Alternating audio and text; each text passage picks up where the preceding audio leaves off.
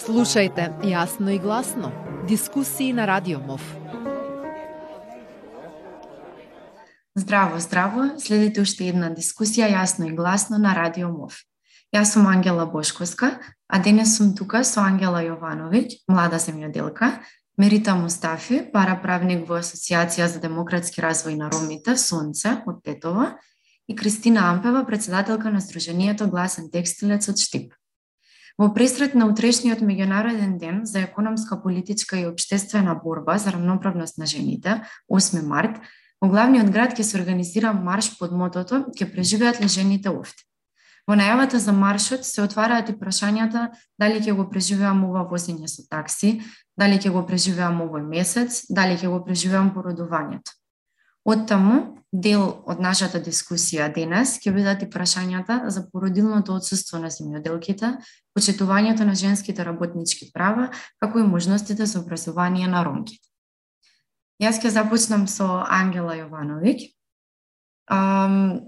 Минатиот месец Министерството за земјоделство, шумарство и водостопанство донесе програма за обезбедување социјална сигурност на жените земјоделки – Со оваа програма, всушност се предвидува жените семјоделки во период од 9 месеци да добиваат по 9000 денари. Дали според вас ова ги задоволува барањата на жените земјоделки кај нас или сепак ќе треба ќе има потреба од законски измени, односно измени во законот за здравствено осигурување? Со оглед на тоа што никогаш до сега жените земјоделки не немале можност нели да користат породилно отсуство, односно платено породилно отсуство, ова мислам дека е многу добра мерка која што сите институции и организации се, за, се залага за да се донесе оваа одлука и а, ова никогаш а, предходно во државата не се, во историјата на Македонија не се случило и затоа мислам дека со ова се дава акцент на а, руралните жени а, да имаат право на платено мајчинство и исто како секоја нели работничка во државата. А во однос на законот за здравствено осигурување, бидејќи предходните барања беа измени. Дали сметате дека ова може да биде трајно решение или е потребно што повеќе? Па мислам дека може да биде трајно решение за жените земјоделки за тоа што за многу знам дека многу имаше лобирање од страна на Националната федерација на фармери и од сите институции, Министерството и сите заедно мислам дека донесува правилна одлука за за ова да нели да може да го користат жените земјоделки за мај, платено мајчинство, мајчинско отсутство. Добра. А, Мета, вас ќе ве прашам, последното истражување на Дружението ЕСЕ за емансипација, солидарност и еднаквост на жените покажува дека во а, градовите Шуто, Ризар и Куманово Општина Жотуаризаре, Куманово, Делчево и Виница, 35 од жените ромки не одат на гинеколошки преглед, дури кога имаат потреба на тоа, додека 40 од нив не можат да се го дозволат тоа. Истражувањето е спроведено во периодот од септември до ноември 2022 година. А, каква е ситуацијата со гинеколошките прегледи во Тетово? Колку е тоа достапно за ромките во Тетово? Најпрво да ви се заблагодарам денес што добивме покана да земеме учество. А, секако, истражувањето направено од страна на ЕСЕ и неколкуте организации кои што а, и имаме заедничка соработка со нив и во голем дел, а, во поголемиот дел и сме а, партнери. А, како и што нели самото истражување покажало дека 35% од жените ромки не одат во гинеколог. Слична е ситуацијата и кај ромската заедница, односно кај жените ромки во Тетово. А, поголемиот дел од нив имаат недоверба или пак стравуваат кога одат на гинеколог дека ќе бидат препратени или а, ќе бидат отфрлени од лошиот пристап на, на здравствените работници, односно на гинеколозите или медицинските сестри во самите јавни а, установи. А, нели, како што и самата споменавте, работам како параправник веќе години назад, односно а, а, нашата цел е да ги а, советуваме, информираме за нивните права од област на здравствена и социјална заштита.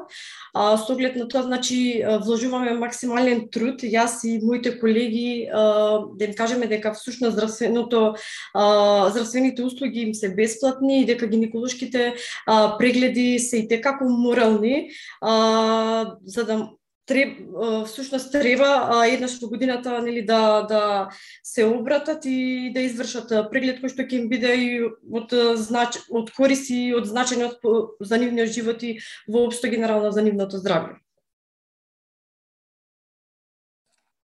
Така. А, Кристина, а, вие доаѓате од текстилната индустрија. А, каква е состојбата таму во моментов со родовиот јас? Колку имаме повеќе мажи на функција наспроти жени кои се работнички? Како изгледа сликата? Па, првен да ви се заблагодарам на поканата и во пресрет на празникот а, а, да им посекам на сите жени а, среќен 8 март, а, да се бориме погласно за собствените права и да не ги губиме оние кои што некои крваво со животи се избориле во минатото за сега да имаме право на глас и слично. Со молчење, а, мислам дека само ќе ќе ќе се уназадуваме и ќе губиме права кои што кои што сме ги добиле. А, во однос на текстилните работнички, Па вака, а, да, Гласот Текстилец во 2017 започна како здружение за текстилни, кожарски, чеварски работници, но како се ширеше се повеќе и повеќе работници од целиот приватен сектор, па дури од јавна администрација бараат нели правна помош од а, нашето здружение. А, каква е состојбата? Како што кажав, губиме право. Посебно од а, корона пандемијата па наваму А, иако навидум ке слушнете дека имаме многу заложби од страна на надлежни институции, власти, министерства дека се бориме за за правата на жените и слично. Сметам дека тоа е само некоја реторика, дека суштински не се бориме, туку само глумиме. Така да ќе да раководи функции сето тоа во ред мажите знаеме дека го имаат, меѓутоа не е само тоа најголем, најголемиот проблем бидејќи вие ќе слушнете се уште за жени кои што име откажан договорот за вработување или се отпуштени на од почудни околности од работа, кога работодавачот ќе дознае дека се прегнат. Дополнително, она што го спомна и корешката а, од Сонце, а, бидејќи знам за, за организацијата ЕС исто соработуваме, кој ќе видите дека во 21 век Министерството за здравство крати програми кои што се за мајки и деца кои што повторно ќе удрат на жените, кои ќе видиме дека се кратени програми од Министерство за здравство за ранлива категорија на граѓани. Значи, повторно ќе речем претежно жени. Овде и ромки, овде и работнички од приватен сектор кои што не пунивно вино остануваат без здравствено, социјално, платени придонеси и слично. И ќе се враќаме во кој век што тоа што нема да имаме право да се породуваме во јавното здравство, кое што сите го плаќаме, а по устав сме социјална држава. Така да, еве повторно потврдувам со неколку примери дека ние само се декларираме како социјална држава по устав, за жал одамна не сме, а и декла, а, она реторика на политички партии, на синдикати, веќе не знам што, е само онак, еве се борим. На дело нема ништо, верувајте ми, тоа ќе се види секаде на терен. Дополнително и случајот со 69 текстилни работнички што имавте можност како јавност и како медиуми да, да, да слушнете и да го споделите. И благодарност за поддршката од, од сите каде што судот е таа, иако на работничките им се должат три плати придонеси, повторно да станува збор нели, за здравствени, социјални права, пензиски права и слично, меѓутоа е екзистенционално прашање. Збориме за жени, работнички, со минимални примени, кои што иако не се соочиле со прекршување на, на нивните права, сепак судот смета дека ете, некој бил крив за некаква си тужба, не знам што, не знам како, не ја согледува фактичката да состојба, или во духот на судството и на социјална правда и слично, него вели работничките треба да платат трошоци судски и адвокатски во износ на од 20.000 плюс евра. И сега ќе збориме за права на жени.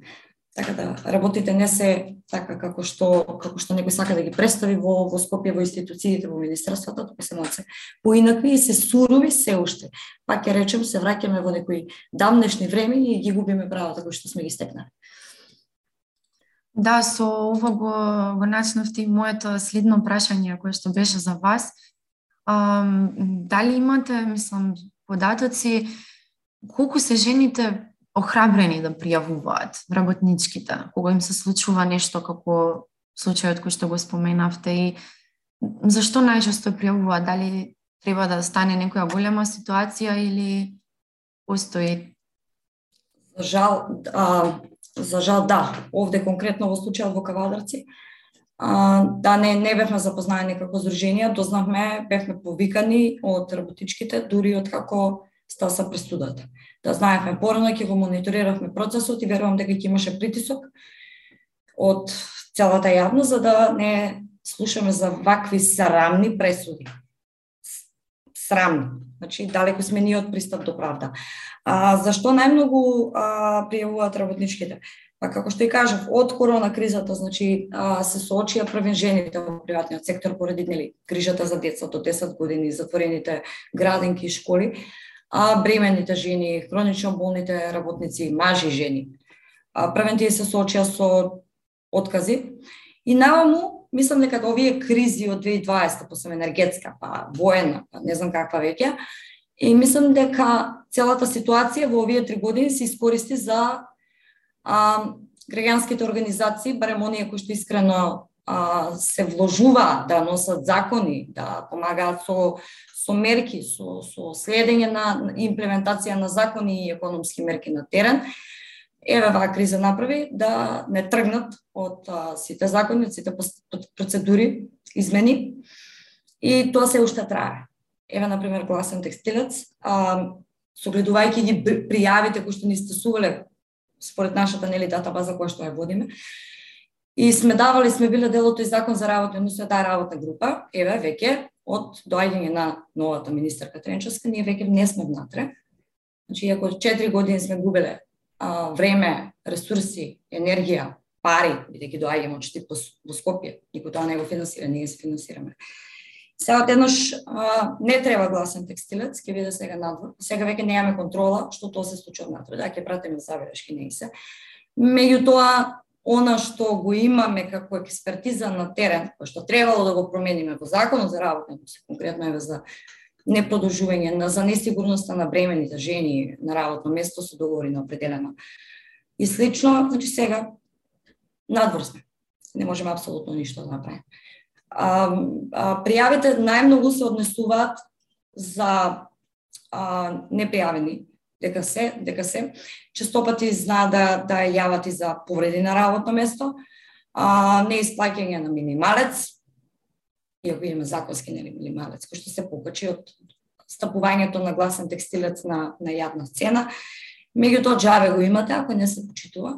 Не исплаќање на придонеси од плати, исто како во случајот со кавадарци и многу други а, прекршувања. Повторно ќе речам, најболно ми е кога се користат тие договори на определено за да се отарасат од примените жени, бидејќи добар дел од работодавачите ги сметаат дека се еве мрзливи, дека или немаат корист од нив, дека не треба да плаќаат. И слично и после се жалиме дека немаме работници, си се младите. Тие се тие млади кои што ги избрка и политиките, и тоа и самите работодавачи, чест на исклучаци. И сега ќе збориме нели за увоз на работници. Па не знам што мислам дека еве и да увеземе работници, ние нашите ги избркаме, зошто би ги задржиле тие кои што ќе дојдат. Многу многу нелогичности, меѓутоа пак ќе речам, до 2020 со вклученоста на граѓанските организации внатре во, во, во носењето на, на одлуки, ситуацијата може да се контролира и да се превенират поголеми штети. Сега веќе отида на надвор од контрола и, и за жал ќе ќе доаѓаме до вакви случаи кои ќе се јавиме прекасно за да помогнеме било што. Благодарам. Um, А во каква е ситуацијата кај делките, Ангела? Каков е родовиот јас? Дали има промени од предходно? Дали има повеќе заинтересираност кај жените да се бават со оваа индустрија? Па, искрено нема многу заинтересираност, затоа што многу изгубија надеж, нели, волја жените, затоа што а, нели, како што напоменав, до сега никогаш а, не имале а, право да користат нели породилно отсуство и слично. И затоа ја јас лично познавам многу жени кои што предходно нели родиле дете, а биле зарегистрирани индивидуални земјоделки и не можеле да искористат платено мајчинство.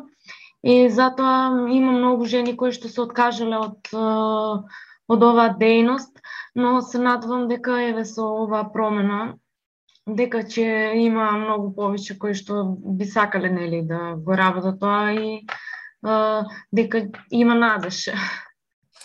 Значи има пат на бројот. Сушто. Да.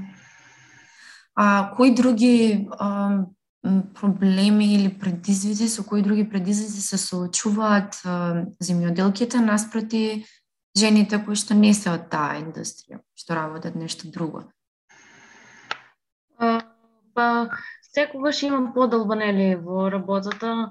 А, например, жената не може тоа, жената не може ова, а, исто така жената од овој сектор, нели, постојано по цел ден е на нива и слично, а, и дома се грижи за семејството, нели, таа што е неплатена работа за децата, за стари лица исто и а, тука се дискриминирани за тоа што о, тие по цел ден се нели работата, тоа ми е фактички како неплатена работа. Тоа како главна Добра.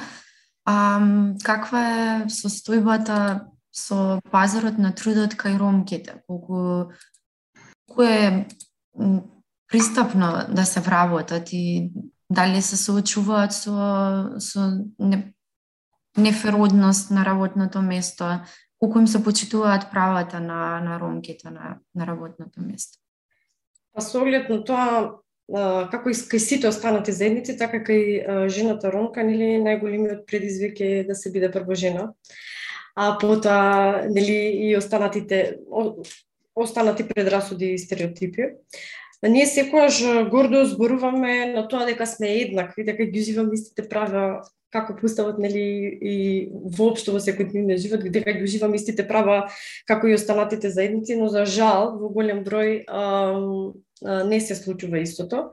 По однос на прашањето каков колкава е процентуалната застапеност на жените ромки дали а, се соочуваат со предизвик а, нели при вработување. А, генерално за за општина Тетово можам да кажам дека невработеноста кај ромската заедница е за 50% поголема во однос на останатите заедници кои што живеат.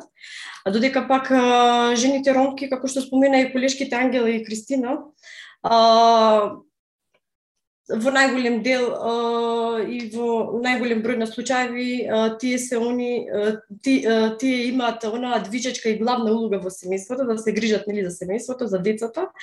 И пропратно знаеме дека со оглед нели на новите законски регулативи дека има посебна програма изработена од АВРМ каде што всушност преку активните мерки имаат можност и жените ромки и сите останати маргинализирани групи да, да се вклучуваат. Така да сметам дека тоа е еден нов модел и начин за подобрување на и поголема вклученост на овие маргинализирани социјални ранливи категории. А, меѓу другото, да, жените ромки имаат интерес да се вклучуваат во истите, доаѓаат кај нас, доколку нешто не им е јасно, сака да се информира, да им помогнеме, дополнително некогаш ги придружуваме и застапуваме, но во краен случај, секогаш настанува некој проблем, поднос на тоа ќе ги нели ќе бидат вклучени, ќе ги ќе бидат во самата реализација на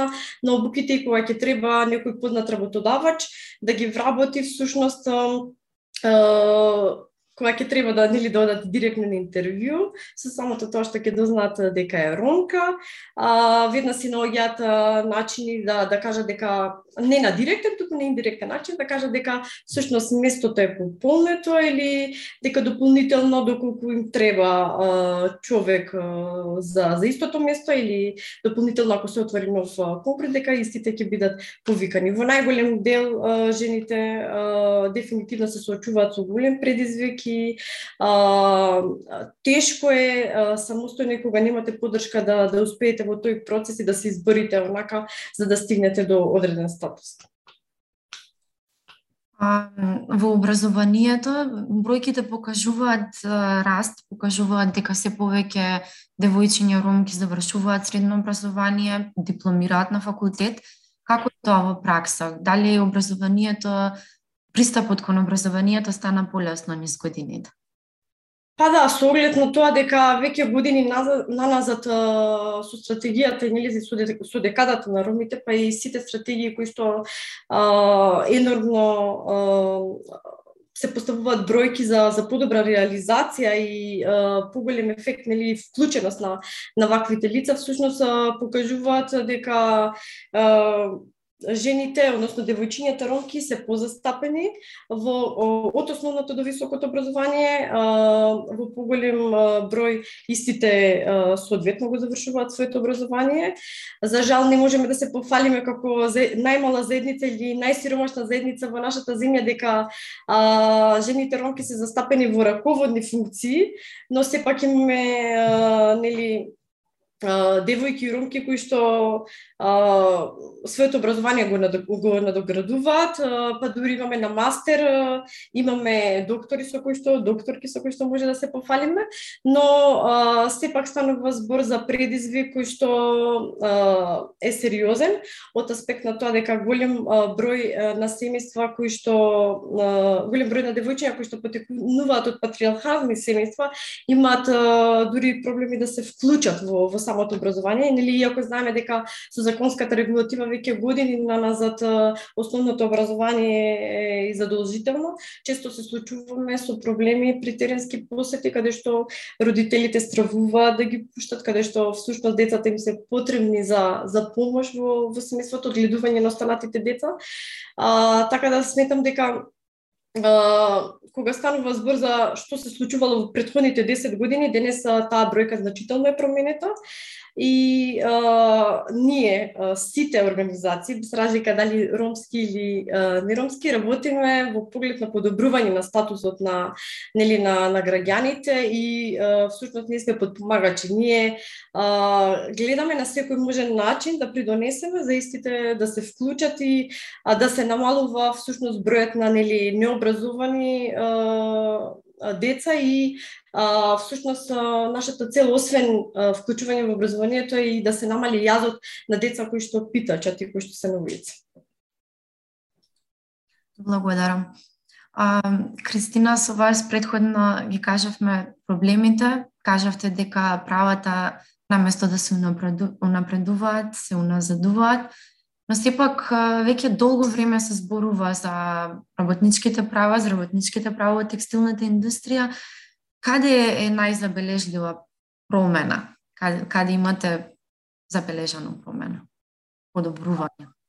Само во контекст на, на колешката од а, Сонце, а, ние како град, еве во Штип кај нас, ромките се вклучени на пазар на труд, што не е баш така како што знам во останатите општини, меѓутоа во, во источниот регион се застапени, ептен застапени на пазарот на труд а, и а, да, а, морам да кажам на едно преубаво искуство, иначе а, проектот со параправна помош во кој еднаш и ние бевме дел, меѓутоа за жал заврши. А, лошо е кога така се се прекинува тако вид на, на, на сервиси. А, а, супер а, е тоа што што продолжувате и, и тоа е вистинскиот начин за помош на, на сите маргинализирани заедници, не само на ромките. Сакам да додадам само дека Имав случај пред две години каде што да, баш жена ромка вработена во една а, фирма ги организираше работничките и кажа сега јас ќе контактирам со Кристина и со гласен текстилец. Нема да сте подпишале ова се. Многу лоши договори, не знам. Имаше некој таму, значи она ги организираше, само треба малку да се потикнат и да се јакнат во локалните заедници. Меѓутоа пак ќе речем специфично кај нас, бидејќи ромките се скроз застапени на пазарот на труд, исто како и како и македонки, како било кој. А, во, во овој регион, барем во источен за останатите, не, фали, фали многу. А, во однос на прашањето, кои работи треба да се подобрат? Многу работи треба да се подобрат. Треба е еднаш за секогаш да, да сватат работодавачите, барем добар дел од нив, дека го губиме работоспособниот кадар, младите луѓе ги губиме, се иселуваат поради ете. А, тоа што се научени на на ваков тип на водење на бизнис, од распадот на Југославија, тоест од независноста на Македонија па до ден денес. А, така не се води бизнес добро. И тоа ние го кажавме како здружение уште во 2017. Луѓе, вака, текстилната индустрија и добар дел од секторите кои што имаат наистина лош углед, ќе се соочат за некоја година. Тие мислеа дека имаат уште некои 15 на години, меѓутоа гледаме дека а, се повеќе и повеќе имаме иселување од државата. Посебно источниот регион и посебно поради тоа што е така. Беа научени да дават ниски плати, да прекршуваат работнички прави, сега одеднаш оп нема работници. Сега има нарачки, има странски брендови, има потреба од работници, има изголемени плати, меѓутоа сега ги а, нема работниците.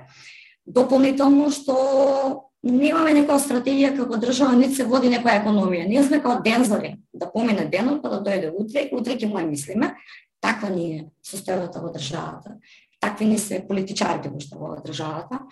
А, па ја ќе кажам дека а, повторно еве дека следиме нели како организации што се случува во регионот, каде има позитивни примери. Ајде не Европа далеко сме ние од Европа.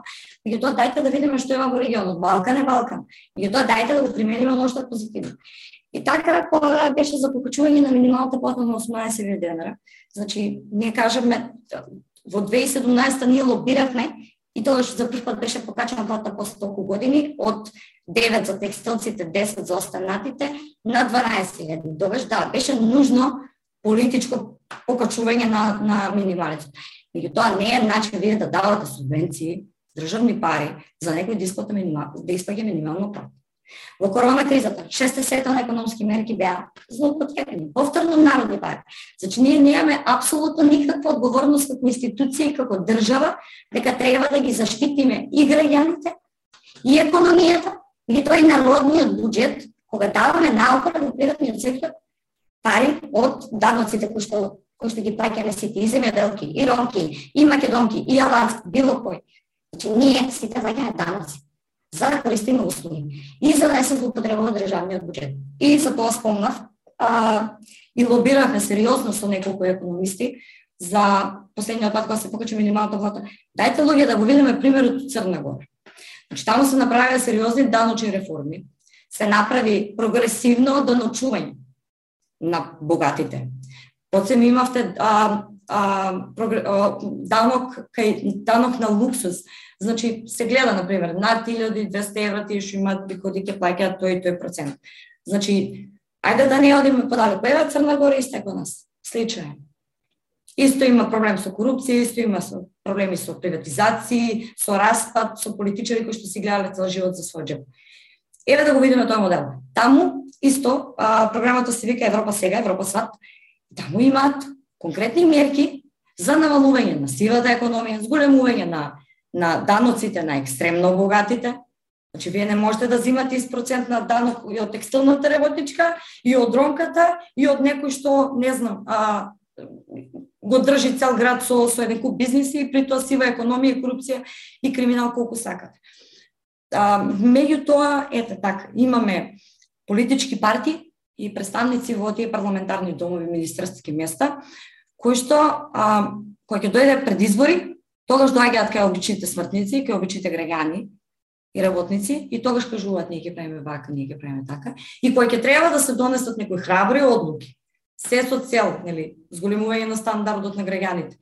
А, да не ги а, укинуваме програмите кои што се од нужно значење за социјално ранливи категории, е тогаш не, а, олигарците не ги креираат законите и дополнително имаат поддршка од политичките партии.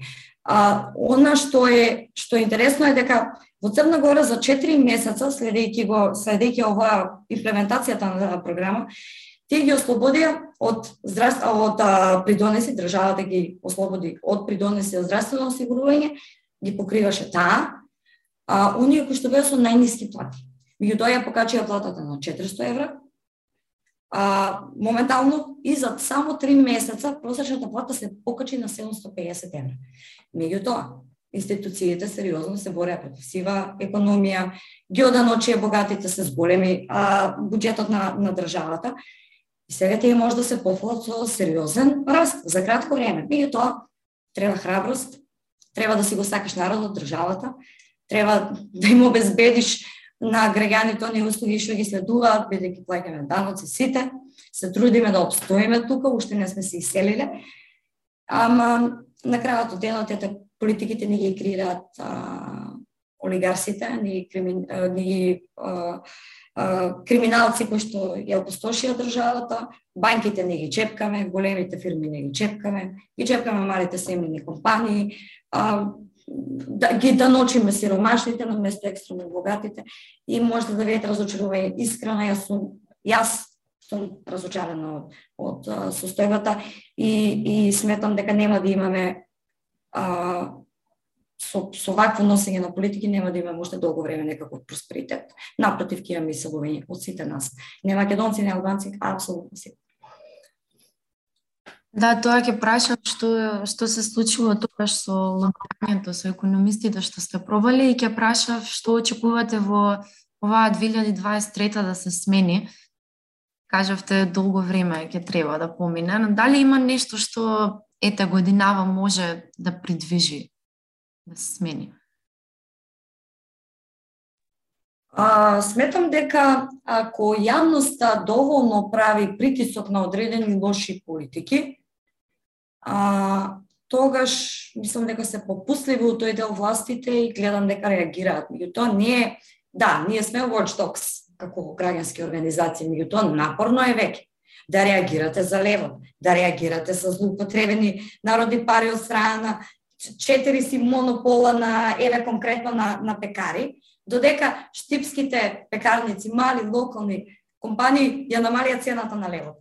Јас сум прегорда што што што имав што може да се пофалам со со еве нашите сограѓани кои што кои што нели произведуваат лев. Да земеме првото, значи некои се земале субвенции државни. Ја покачувале цената на левот, ја направија ненормална цената на левот. При тоа добивале државна помош не знам колку месеци. Пазарен инспекторат ни државата, ни институциите не ги контролираат.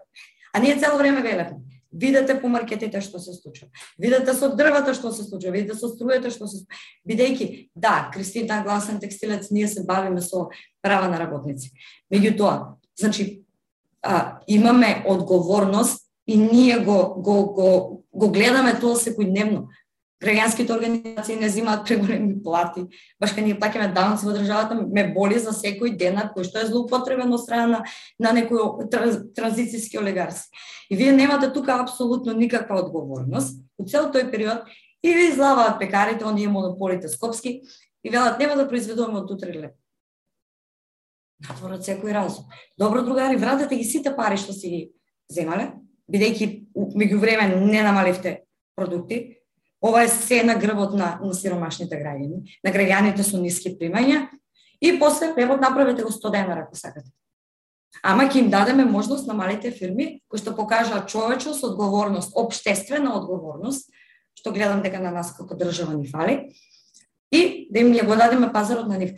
Значи, а, мислам, не треба вака да, да, да биде, меѓутоа ако треба да има притисок од јавноста, од медиумите, кои што не споделувате, онда да, да го правиме тоа. Меѓутоа, со целова инфлација не гледам смирување на, на, на ниту пак мислам дека се носат некои мерки кои што навистина ќе помогнат на граѓаните.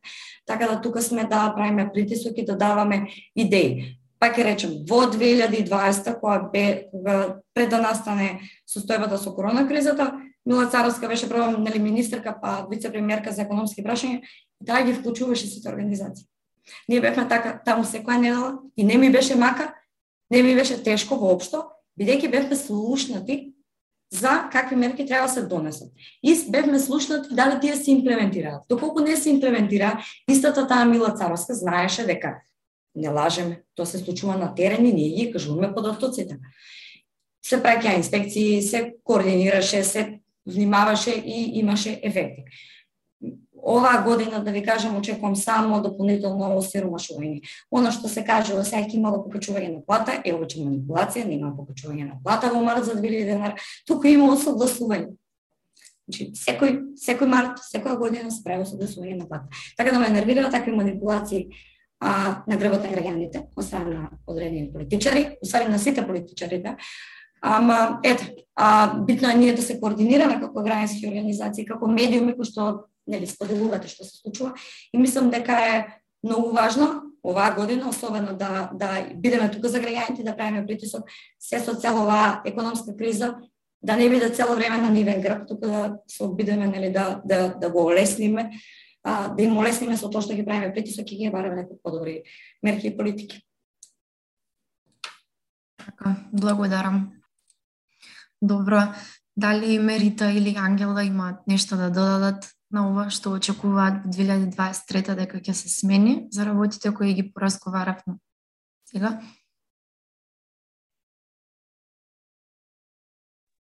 Па еве, јас ам, дефинитивно се служувам со тоа што кажа колишката Кристина, без разлика за кого станува збор сиромаштијата и како сите ги зафати после пандемијата од COVID-19, посебно за не зборуваме за нели оние социоранливи категории кои што едва е крај со крај врзува и сето тоа негативно влијаеше кон сите нас, па со фокус нели на на а, а, таквите а, граѓани.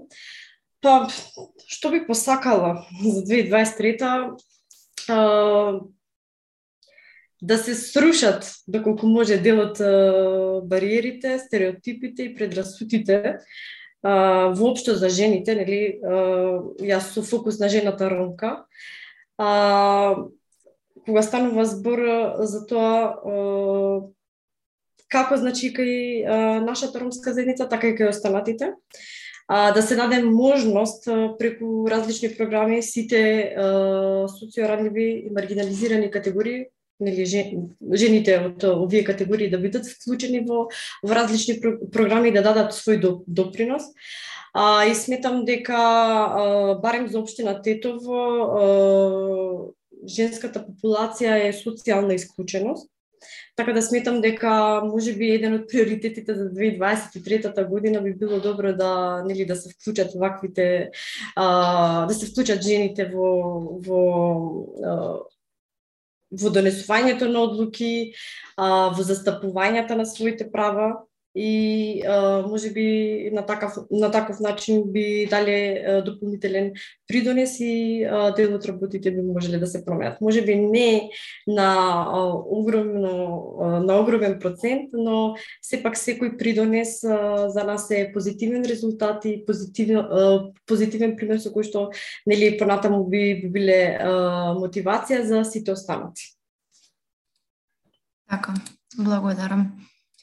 А, вака, тука некаде доаѓа и крајот на, на нашата дискусија. Пред да се одјавиме, јас уште еднаш би, би додала дека утрешниот марш е по повод овие теми за кои што разговаравме сега, за борење за истите и се надеваме дека 2023 ќе ни донесе барем во некои правци подобрување. Благодарам на вас што учествувавте во оваа дискусија. Ви благодарам на вас што не следевте, нашите гледачи. Се гледаме следниот пат. Слушајте јасно и гласно. Дискусии на Радио МОВ.